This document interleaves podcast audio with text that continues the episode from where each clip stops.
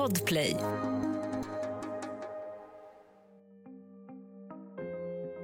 Benny Fredriksson är hyllad chef på Stadsteatern i Stockholm. Fram till att några kolsvarta rubriker startar ett drev som blåser in som en tornado och sedan försvinner lika fort. Men drevet får värsta tänkbara konsekvenser. Benny Fredriksson tar sitt liv. Kvar står hans rådgivare och vän Lotta Fristorp som fortfarande undrar, kunde hon ha gjort någonting annorlunda? Det här är Jag var där, en dokumentär från Podplay av Andreas Utterström och Mattias Bergman. Nytt avsnitt varje onsdag om du inte lyssnar genom Podplay. Där finns hela säsongen redan nu. Jag heter Lotta Fristorp. 2017 var jag, kan man säga, en medarbetare på Kulturhuset Stadsteatern. Jag eh, var bollplank åt eh, Benny Fredriksson, VD i mediafrågor. Jag hade varit presschef där i många år tidigare. Kulturhuset hör till de platser som inte bara stockholmare känner till. 60-talsbygget vid Sergels torg är i brist på bättre ord ikoniskt. Här sker tusentals kulturhändelser varje år. Konstutställningar, föreläsningar, biblioteksbesök, män som spelar schack, biobesök och organiserad lek för bebisar. Och i samma byggnad äger alla Stadsteaterns föreställningar rum. Där är Benny Fredriksson chef och Lotta Fristorp en av hans medarbetare. Trivdes du på jobbet då? Ja, jag trivdes på jobbet, absolut. Hur skulle du beskriva Benny både som person och som eh, ledare? Ja, eh, Benny Fredriksson är ju en slags människa som jag verkligen har träffat före eller efter.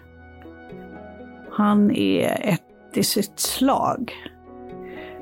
Han är otroligt passionerad för sitt jobb. Eh, rolig att prata med. Otroligt irriterande, för han vill bestämma om precis allting. Eh, men fördelarna överväger. Det är otroligt vitaliserande att ha en chef som Benny. På vilket sätt var han rolig att prata med? Om han skulle vara med här med dig och mig så skulle han genast börja fråga dig om vem du var. Han skulle lyssna på allt vad du hade att säga. Han skulle vara intresserad av precis allt vad du hade att säga. Han skulle vilja diskutera det här med poddar med dig till exempel. Eh, chefskap, allt möjligt och eh, vad du har för bakgrund, var du kommer ifrån, vem du är gift med, vad du har för barn. Det var roligt, man kände sig eh, sedd. Att Fredriksson är teaterchef just på Stadsteatern framstår nästan som förutbestämt. Han rev biljetter där redan som 16-åring. Utbildade sig sedan till skådespelare men blev tidigt chef istället. 2017 har han varit VD i 15 år. Arbetsnarkomanen Fredriksson har brutit gamla mönster på teatern. Sett till att införa en ny lockande repertoar. Gjort besöksantal och fyllda salonger till ett viktigt mål. Men det fanns många människor som kände att eh, så där kan man inte vara. Man kan, det är liksom eh, som blev eh, kränkta. Fredriksson har gjort succé på Stadsteatern. Samtidigt är han en omstridd chef. Och att vara ledare i kultursektorn är speciellt. Alltså det är en organisation med konstnärer, regissörer, scenografer, framförallt skådespelare. Och skådespelarna, det kan hända att de inte får den roll de vill. Det händer nästan alltid. De vill helst ha huvudroller, inspirerande roller. Sen kan de dessutom bli av med kontrakten. Det kan ju lätt bli chefens fel. Diskussionerna är många, konflikterna lika så. Fredriksson deltar med liv och lust. När Stadsteatern slås ihop med hela Kulturhuset får han ännu större makt. Huset står för en tredjedel av hela kulturbudgeten i Stockholm. Att vara chef för en så stor verksamhet är svårt. Kanske omöjligt om man bara är en person. Men vad visade era Ni måste ha gjort såna här arbetsplats eller arbetsmiljöundersökningar. Fruktansvärt resultat. Man kan sammanfatta de här resultaten. Det var så här. Det är fruktansvärd arbetsplats, men jag älskar att gå till jobbet. Teatern är ju en väldigt lockande miljö man gärna vill stanna kvar på och eh, jag tror att nästan alla yrkesgrupper kände så. Att eh, även alltså vi andra som inte var skådespelare, att det var en väldigt stimulerande miljö att eh, befinna sig i. Eh, ja, det är en hierarkisk miljö. Det är liksom en miljö där allting ska klaffa varje kväll. Det är väldigt stimulerande, men det finns ju något som är större än en själv i den strukturen. Jag har aldrig nästan befunnit mig i en sån professionell miljö det är som en direktsändning inför en levande publik varje kväll. 2017 leder hashtaggen metoo till en revolution i stora delar av världen. Det är i Hollywood som det tar fart på allvar när en mängd kvinnor berättar om åratal av övergrepp och svinerier från maktmän. Sen ska huvuden rulla. Kulturmän som Bill Cosby och Harvey Weinstein faller. Vissa döms i domstol, andra frias rent juridiskt men är för alltid dömda av allmänheten. Tänker du då att snart kommer Stadsteatern också att granskas? Men jag minns ju den där situationen. Jag minns, det var jag, Benny och eh, Peter Kollarek som var då helt ny produktionschef. Benny kallade på oss och vi, eh, han hade fått veta att den här eh, tystnadtagning eh, skulle publiceras på Svenska Dagbladets webb på kvällen innan den kom i papperstidningen. Och vi satt och läste den högt. Och det var ju fruktansvärd läsning alltså. När metoo når svensk teater sker det i uppropet Tystnad tagning. Hundratals skådespelare berättar om trakasserier och sexuella övergrepp. Vittnesmålen är så många att slutsatsen bara kan bli en. Det här handlar inte om enstaka personer utan om en rutten kultur. Lotta Fristorp ser ny luft svepa in i salongen. Det var väldigt berörande. Och man tänkte äntligen att det blev så sammanhållen berättelse, att det var så många som berättade samma sak. Hon inser att även Stadsteatern nu kommer att granskas. Allt var anonymt. Det var ju strukturer man ville åt där och inte enskilda personer. Mm. Men det man också förstod, eller det jag förstod, var ju att vi kommer få det där, det som ligger nära till hands här i Stockholm, det är ju teaterinstitutionerna som har ordentliga press och marknadsföringsavdelningar där det är lätt att ta kontakt och få svar. En skådespelare på Stadsteatern får nu se kontraktet rivas på grund av metoo-uppgifter i media. Och det finns också, har alltid funnits, personer som går över gränserna på teatern också. Och tänkte du då direkt den och den manliga skådespelaren? Jag tänkte kanske inte den och den manliga skådespelaren, men visst fanns det namn där som var besvärliga. Jag kommer inte ihåg precis, men jag tror att jag sa att det är bara att försöka svara på de frågor som kommer. Mm. Så ärligt som möjligt. Eller det, är ju, det är ju den inställning jag alltid haft, att man ska svara på journalisternas frågor. Benny Fredriksson ger intervjuer. I Aktuellt i Sveriges Television talar han i generella termer om kulturen i kulturen. Lotta Fristorp tycker att hennes annars så karismatiska chef ger ett blekt intryck. Samtidigt vet hon att det här bara är början. För nu har journalisterna börjat granska Stadsteatern på allvar. Dagens Nyheter har begärt att få ta del av Fredrikssons mejl. Eftersom han är anställd av Stockholms stad är de en allmän handling. Eh, så att det fanns en nervositet i luften. Man kände att det låg i luften, mm. att det skulle bli någonting mer. Den 4 december 2017, ja. då blir ni eh, kontaktade av Aftonbladet. Vad, vad är det som händer då? Så eh, var jag på väg till Friskis för att göra ett gympapass och blev uppringd av Sofia som var pressansvarig på Kulturhuset och Stadsteatern som sa att det hade kommit frågor till hennes mejl kvällen tidigare. Och så ringde hon mig och sa att vi måste ses på Bennys rum. Och eh, Jag ringde Benny men han svarade inte. Men jag åkte in till stan i alla fall istället för att gå på det där gympapasset. Så när jag kom dit, då var klockan kanske 11 eller halv 12. Då var hela rummet fullt av folk. Stadsdirektören Ingela Lind. Det var Madeleine Sjöstedt som var vice ordförande i styrelsen. Det var eh, Helena Bergström kom in och eh, fackklubben, artistklubben var där och andra människor också som jag inte kommer ihåg nu. Det var i alla fall fullt med folk, vilket gjorde mig bekymrad. För det var svårt och eh, jag hade ju läst frågorna, jag förstod de här frågorna går inte att svara på. Aftonbladet följer en inarbetad rutin vid granskningar. Personen som kritiseras kontaktas i ett sent skede och får en viss tid på sig att bemöta anklagelserna. Men inte allt för lång tid. Då finns risken att den som granskas själv går ut i media och tar kontroll över historien. Så långt känner Lotta Fristorp igen sig. Men hon tycker att de uppgifter Aftonbladet vill fråga Fredriksson om är spretiga. Det var högt och lågt. Mm. Det var frågor som alla på något vis handlade om Benny som person, som privatperson, inte som VD. En fråga handlar om när jag hade ett möte med Benny tyckte jag att hans knä var för nära mitt knä.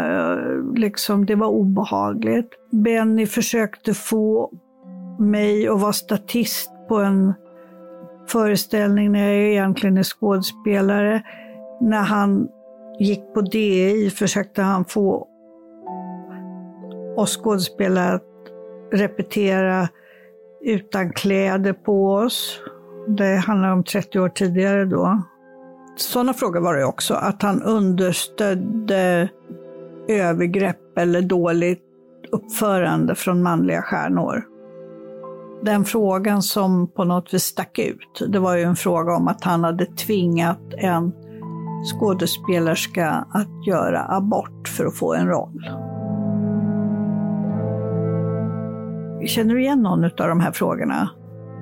Och då sa han, ja en del, sa han. Det var så kaotiskt, det var det som var det stora problemet. Men även om det var, det har varit kaotiskt förut. Men jag förstod att det skulle vara väldigt svårt att svara på de här frågorna. Eftersom de alla var anonyma och eftersom de spann över så lång tid. De har bara några timmar på sig att agera. Klockan 14.00 ska Aftonbladet publicera. Lotta Fristorps jobb är att snabbt ta fram en strategi och få med sig Benny Fredriksson på tåget. Jag ville lägga alla de här frågorna på bordet i en, en presskonferens, en pressträff, kalla till en pressträff Mm. och prata om hur gör vi med den här typen av frågor. Mm. Jag, jag ville att det skulle handla om pressetik. Det kanske var naivt, men det var min tanke, min enda tanke att man skulle kunna göra. Men arbetet blir kaotiskt. Ingen har riktig överblick. Det är alldeles för många personer som har åsikter och trängs i Bennys kontor. För mycket adrenalin och för lite eftertanke. Som rådgivare försöker Lotta Fristorp nå fram till sin chef. Men det går inte. Varför körs inte de människorna som inte har där att göra ut ur rummet? Ja, jag försökte. Men det som hände var, och här minns jag och Madeleine Sjöstedt olika. Jag minns att Madeleine sa, det här är ett rev Benny, du måste ta hand om dig själv. Eh, Du kan inte vara kvar här, åk ut till landet. Mm. Fast jag och Madeleine har träffats efter det här och då säger hon att hon ville att han skulle lämna rummet men inte att han skulle åka ut till landet. Eh, Så att han försvann och gick inte att få tag i. Så ni som blev lämnade kvar då och inte har lång tid på er att komma med ett svar, vad gör ni? Ja, men de flesta i rummet tänker så här, nej men de kommer inte publicera, det här är skvaller, vilken nivå på frågorna, fruktansvärt, bara anonyma vittnesmål. Vi hörde av oss och sa att eh, det här går inte att svara på till klockan två. Men jag tänker de kommer publicera och det gjorde de. Eftermiddagen kommer och artikeln. Benny Fredriksson har skapat en tystnadskultur, står det. Personalen liknar honom vid en oberäknelig diktator och menar att han upprepade gånger låtit manliga skådespelare begå övergrepp utan åtgärd. När jag läste texten fick jag sån här overklighetskänsla. Det är alltså så här det är att befinna sig i ett drev. Vad tänker du när du läser hans text? Man kan inte säga att den beskrev situationen på Stadsteatern på något vis, utan den var ju tendensiös. Jag tänker att den är, det är en intervju med en eh, före detta sekreterare till Benny som hade slutat tio år tidigare. Och sen var det ju ett referat av de här 40 anonyma vittnesmålen. Nu går det inte längre att vara proaktiv, bara att reagera och försöka mildra skadan. Dels försöka få tag i Benny och dels försöka jag mobilisera motbilder. Det är det jobb jag tänker efter de har publicerat så är det ju publicerat. Så att då måste vi försöka ge en annan bild eller på något vis kommentera det här. Den här eftermiddagen var ju kaotisk alltså. Hinner du äta lunch? Hinner du gå på toaletten? Ringer telefonen konstant? Ja, alltså telefon... vad händer i... Ja, där? telefonen ringer konstant för att det här är ju alla gör ju uppföljningar, alla förbereder uppföljningar. Det här är ju det man på sätt och vis har väntat på. Att eh, något som smäller till. Vi ser ett drev. Det var inte aktuellt att ta in en krisexpert? Problemet var att Penny var ointresserad av det. Anna Tackaden tog så småningom in en krisexpert som vi samarbetar med. Du är före detta journalist. Du är mitt i ett drev. Men drevet handlar ju samtidigt inte om dig. Så känner du att det är ändå då att det känns personligt för dig? Eller att du kan vara i din yrkesroll?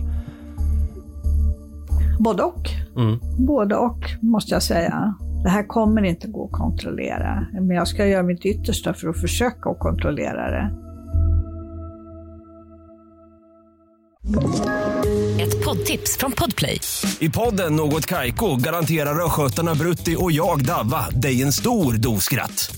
Där följer jag pladask för köttätandet igen. Man är lite som en jävla vampyr. Man har fått lite blodsmak och då måste man ha mer. Udda spaningar, fängslande anekdoter och en och annan arg rant. Jag måste ha mitt kaffe på morgonen för annars är jag ingen trevlig människa. Då är du ingen trevlig människa, punkt. Något kajko, hör du på podplay. Därför är gardinerna. Journalistik följer vissa mönster och mediedrev har sin egen dramaturgi. En gnista som får den första bomben att smälla, det är Aftonbladets artikel i det här fallet. Men sen kommer flera detonationer när andra reportrar hakar på och försöker hitta egna avslöjanden. Jakten är igång, tempot skruvas upp och pressen på den som står i fokus ökar. Lotta Fristorp vet att ett sätt att få stopp på bombmattan är att villebrådet blottar strupen och hoppar av. Då skulle drevet stanna. Resonerades det i termerna av att det är lika bra att Benny avgår direkt och sen får vi ta tag i, de, i den relevanta kritik som finns i artikeln senare, för att det kommer ändå sluta med att han inte kan sitta kvar. Så tänkte inte jag alls faktiskt, men så tänkte Benny. Mm. Han tänkte att det är lika bra att jag avgår. Och det kändes som, va? För det här, vi hade ju ridit ut enorma stormar förut när hela fackklubben avgick. Och när får du sen tag på Benny? Jag får inte tag på honom hela den kvällen. Sen kom ju löpet. Aftonbladet skriver Teaterchef pressade skådespelare till abort för en roll. Dagen på. Då kommer en ny krönika av Åsa Linderborg. Nu gör ju alla uppföljningar. Kulturchefen Åsa Linderborg skriver en krönika med rubriken “Han har styrt verksamheten med skräck och fruktan. Citatet om aborten är det mest uppseendeväckande. Den uppgiften kommer från en anonym person. En av många. I texten är enbart en anställd på Stadsteatern som uttalar sig med namn. Grundfrågan som inte kommer att få något säkert svar är hur mycket av det som står i texterna har faktiskt hänt? Vad jag förstår och vad jag har kunnat reda ut så finns det, så kanske det handlar om en av Margareta Garpes uppsättningar i början av 2000-talet. Och i så fall är det utrett att det fanns inget som helst tvång i den situationen. Eh, dessutom är det ju så att det här med att, att eh, en skådespelare inte kan göra rollen från att bli gravid, det är ju vardagsmat på en teater. Det mm. händer hela tiden. Varför just det här blev stort, det är också helt omöjligt att kontrollera eftersom det är anonyma uppgifter. Men vi tror att det kanske var så. Det, var, det stämmer inte hur som helst. Det är också så att det finns ju enskilda medarbetare på Kulturhuset Stadsteatern som går ut på sina sociala mediekonton och stöttar Benny, men får Alltså man ska komma ihåg, det är en sån otroligt upphetsad stämning. Det här är ju, metoo är ju en sån bra sak. Det finns några stycken kvar som vill säga något annat än det som framkommer i Aftonbladet. Det är bara de negativa kommentarerna som kommer med. Tror du att det är så att människor som har råkat ut, så att säga, för honom i egenskap av hård vd nu har sett chansen att ge igen? Ja, det tror jag. Tror du att det bidrar till obehaget att det här är anonymt? Han vet inte ja, vilka det här är? Absolut, absolut. Det anonyma. Det anonyma är det som eh, blir det svåraste för Benny. Dels att det är anonymt och dels att det på något vis närmar sig hans privatperson på ett annat sätt än annan media har gjort någonsin tidigare. Då har han blivit attackerad i sin egenskap av hårdför VD. Ett dygn in i jakten. Sedan tidigare har Fredriksson planerat ett möte med en journalist. En kulturjournalist som har tänkt sig att skriva en bok om Stadsteatern.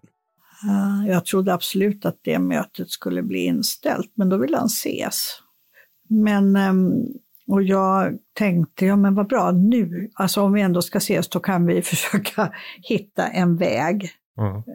ut ur det här och eh, få honom att göra en intervju med någon som jag tänkte ut. Men nej, det gick inte. Han ville inte, det var otroligt mörkt möte. Han ville inte ha någon typ av hjälp överhuvudtaget. Och han pratar jättemycket om Åsa Lindeborg framför allt. Hur kunde hon? Det var inte lätt. Jag, kan, jag, jag, jag kunde inte göra någonting. Jag kunde inte övertyga honom snarare. Du ska veta att jag försökte. Och det var svårigheten med honom. Oftast hade han väldigt bra omdöme själv. Mm. I det här, vad gör man med en människa som oftast har väldigt bra omdöme, otroligt viljestark och smart, men tappar omdömet? Han kändes väldigt deprimerad och apatisk. Hade du sett den sidan av honom tidigare? Nej, det hade jag inte. Men jag hade märkt att han hade på något vis fått svårare att fatta beslut och stå för beslut. Det liksom han drog på allting så otroligt. Det har, det har han ju känt för och har gjort tidigare också. Men nu tyckte jag det hade accelererat det här sättet att ha svårt att fatta beslut. Benny Fredrikssons chef, statsdirektören Ingela Lind, startar genast en utredning. Lotta Fristopp ser hur hennes tidigare så starka chef reagerar på drevet. Det är bara hopplöst känns det som. Och jag fortsätter att traggla på och säger vi kan göra si, vi kan göra så. Vad tycker du, ska jag försöka, bla bla bla bla bla bla. Eh, jag kände bara ett stort mörker. Men sen, ja. då säger han så här. Det är lika bra att jag avgår. Och då säger du inte klok. Jag menar för det här, för Aftonbladet, för de här, det här skvallret i Aftonbladet. Eh, det kan du ju inte avgå för, du menar väl inte allvar? Men jag trodde inte han menade allvar heller. Men sen, när jag eh, kommer hem på kvällen så ringer han kan du komma till Parkteatern klockan åtta på morgonen för där kommer jag meddela min ledningsgrupp och genrecheferna. Och jag blir otroligt, jag menar, paff. För Benny är ju det här hela livet, hans jobb. Alltså det är hans hem. Det är hans till, hela hans tillvaro. Han har ju blivit erbjuden så otroligt många fina jobb under åren som har gått, som han har tackat nej till för att han kunde inte lämna sitt hörnrum på Kulturhuset Stadsteatern. Så jag sa, du kan ju inte avgå för det här. Och då säger han att det ska han göra och så har han en sån här eh, vd-röst igen, liksom stark röst, att när han bestämt sig han ska göra det. Ja, så lägger vi på och så ringer jag tillbaka och så säger jag, du måste sjukskriva dig, du är sjuk. Uh, nej. Den 7 december avgår Benny Fredriksson, bara två dygn efter den första artikeln. Han håller sitt avskedstal i snöblask på Parkteatern på Djurgården. Det dåliga vädret gör Lotta Fristorp försenad så hon missar talet. När hon till slut kommer fram möts hon av gråtande kollegor. Då är en massa människor där och alla är upprörda, en del gråter och han är på topp. Han, känner, han har liksom kvar sin... Eh, känns som hela den här mörkret från dagen på är bortblåst. Nej, men det är klart han inte var på ja. topp egentligen. Men han ger det intrycket? Att Han ger det intrycket och kanske kände han sig just då att han var sitt gamla jag. För att han har ju alltid varit otroligt bra på att fatta beslut och agera tidigare. Eh, och här, här ägde han sin egen eh, avgång så att säga. Lotta Fristorp skriver ett pressmeddelande om avgången och de sista artiklarna i historien om Benny Fredriksson som VD publiceras. Precis som i många andra drev blir det ett naturligt slut på historien. Så är mediernas dramaturgi. Nu blir det istället bara tyst och tomt.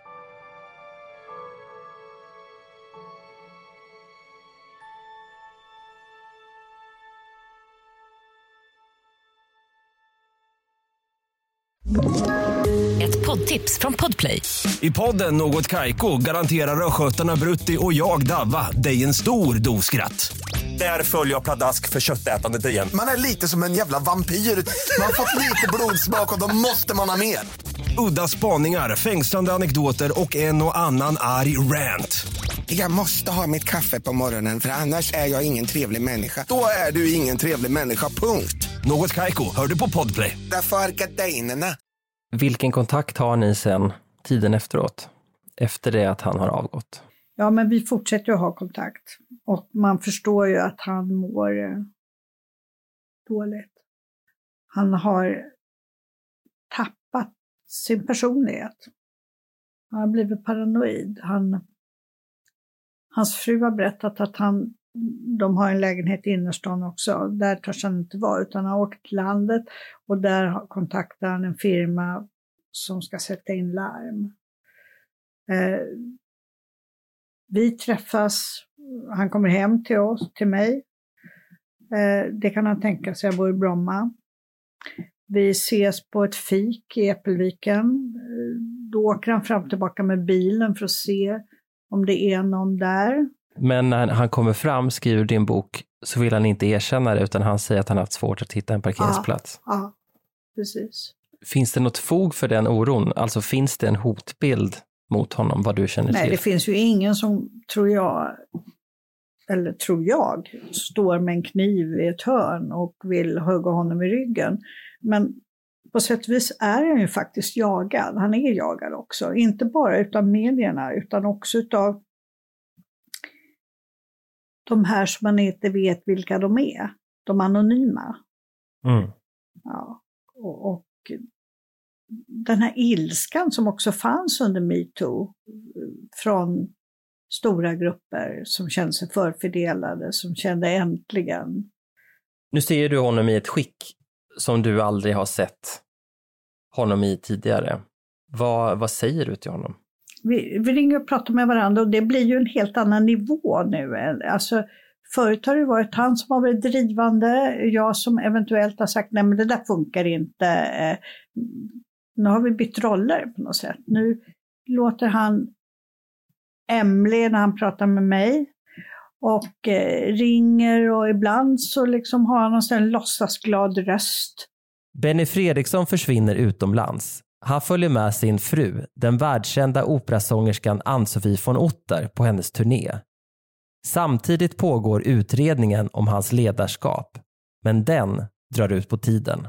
Men den här utredningen upptar hans eh, tankevärld väldigt mycket, vad den kommer att visa. Och då är han i Paris och då är han också jätteparanoid och refererar till något som vi har pratat om som jag absolut inte får berätta för någon annan. Fast jag kommer knappt ihåg vad det var. Jag vet att vi inte har pratat om någonting särskilt. Han låter helt knäpp. Osammanhängande? Helt Osammanhängande helt enkelt. Ja, då hörs vi igen på morgonen och då säger jag, jag tror du fick en panikattack. Och eh, jo, men det trodde han själv också. Och då var han mer sig var han lugnare. Tänker du att han är suicidal?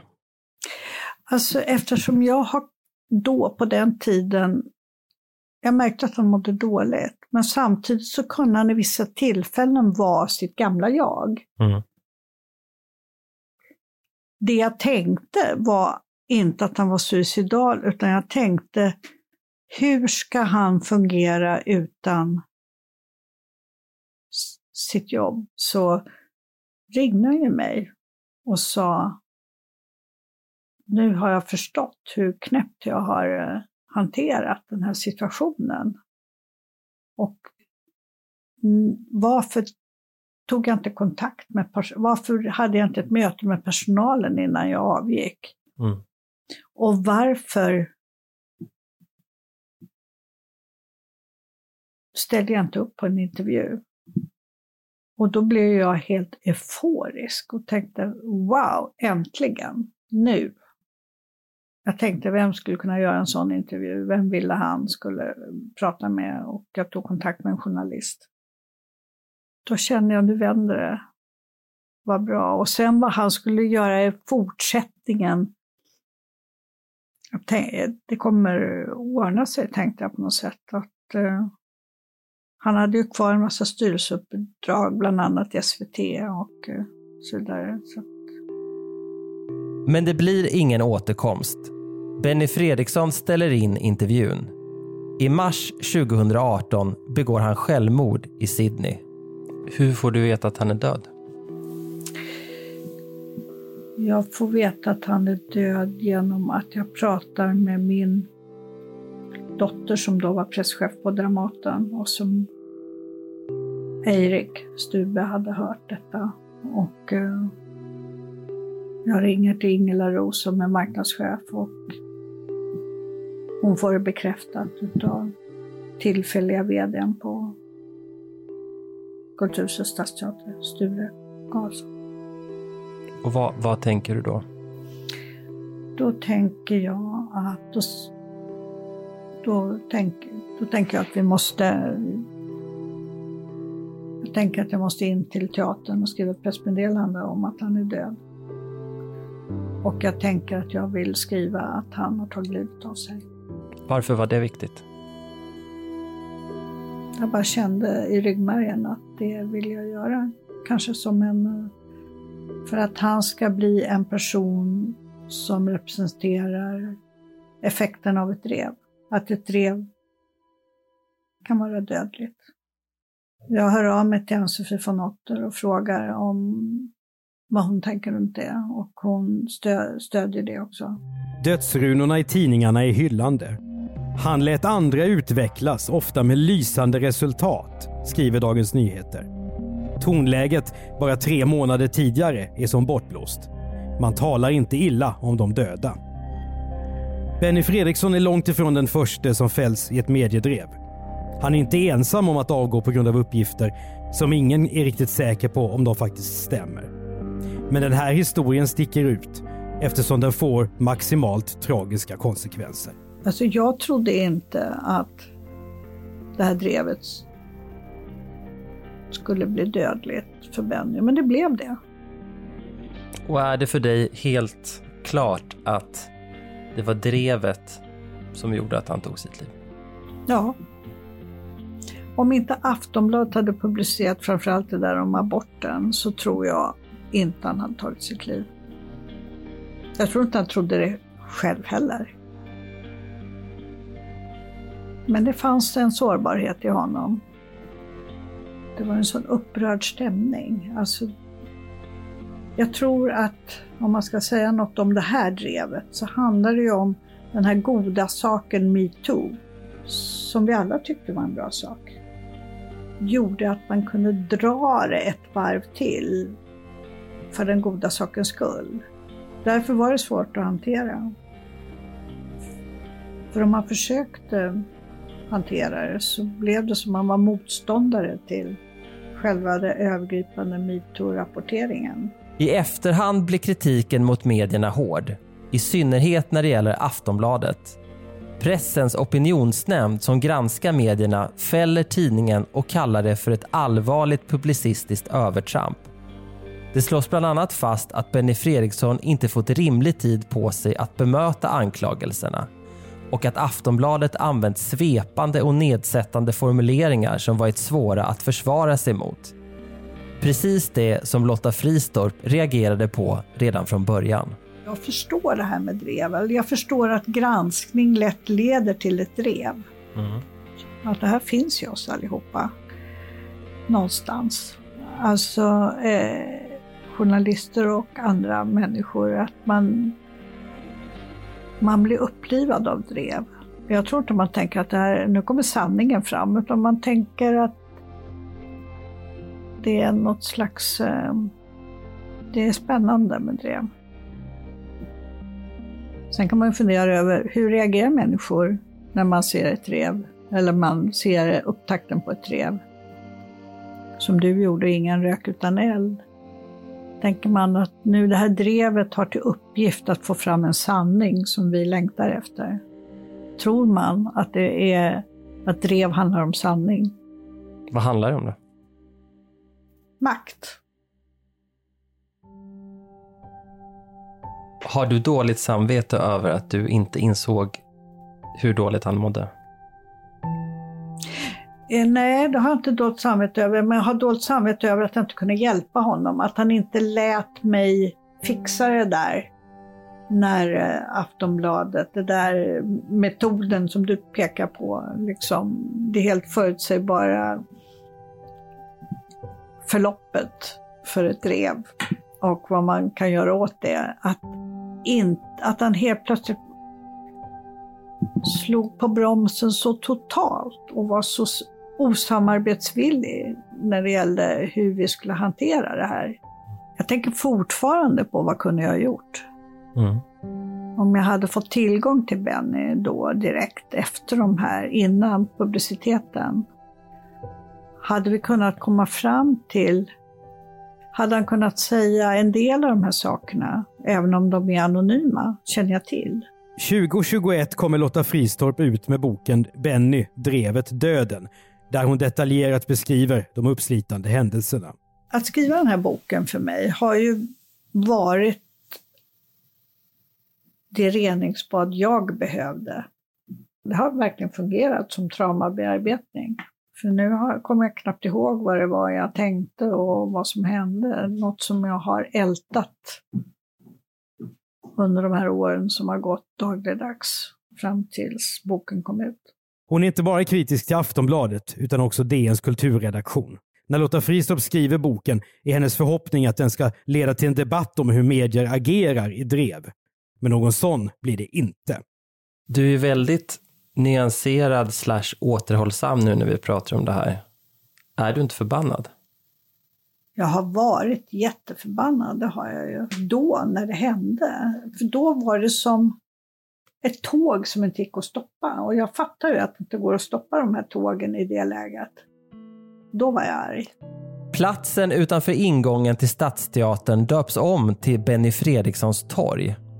Idag delas Bennypriset på 100 000 kronor ut till kulturskapare som drivs av att nå ut brett. I samband med att priset instiftas säger änkan Ann-Sofie von Otter att det här är ett sätt att låta minnet av Benny Fredriksson leva vidare på ett ljust och framåtblickande sätt.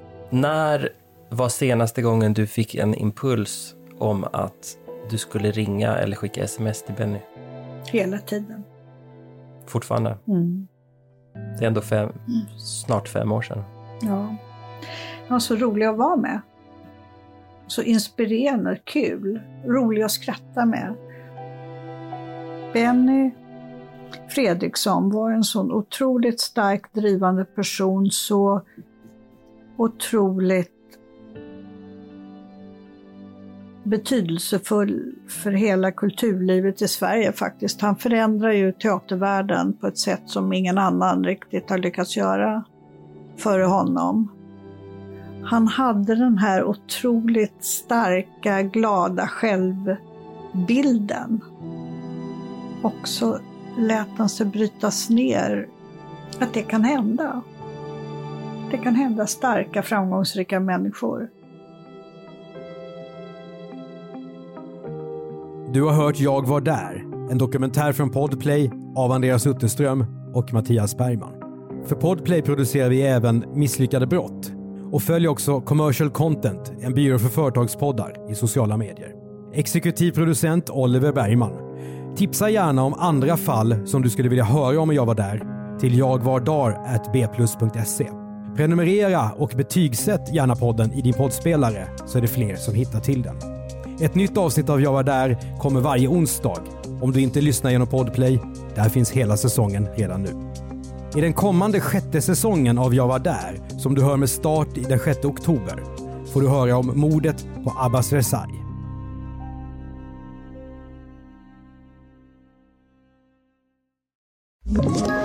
Ett poddtips från Podplay. I podden Något Kaiko garanterar östgötarna Brutti och jag, Davva, dig en stor dos skratt. Där följer jag pladask för köttätandet igen. Man är lite som en jävla vampyr. Man har fått lite blodsmak och då måste man ha mer. Udda spaningar, fängslande anekdoter och en och annan arg rant. Jag måste ha mitt kaffe på morgonen för annars är jag ingen trevlig människa. Då är du ingen trevlig människa, punkt. Något Kaiko, hör du på Podplay. Därför arkadeinerna.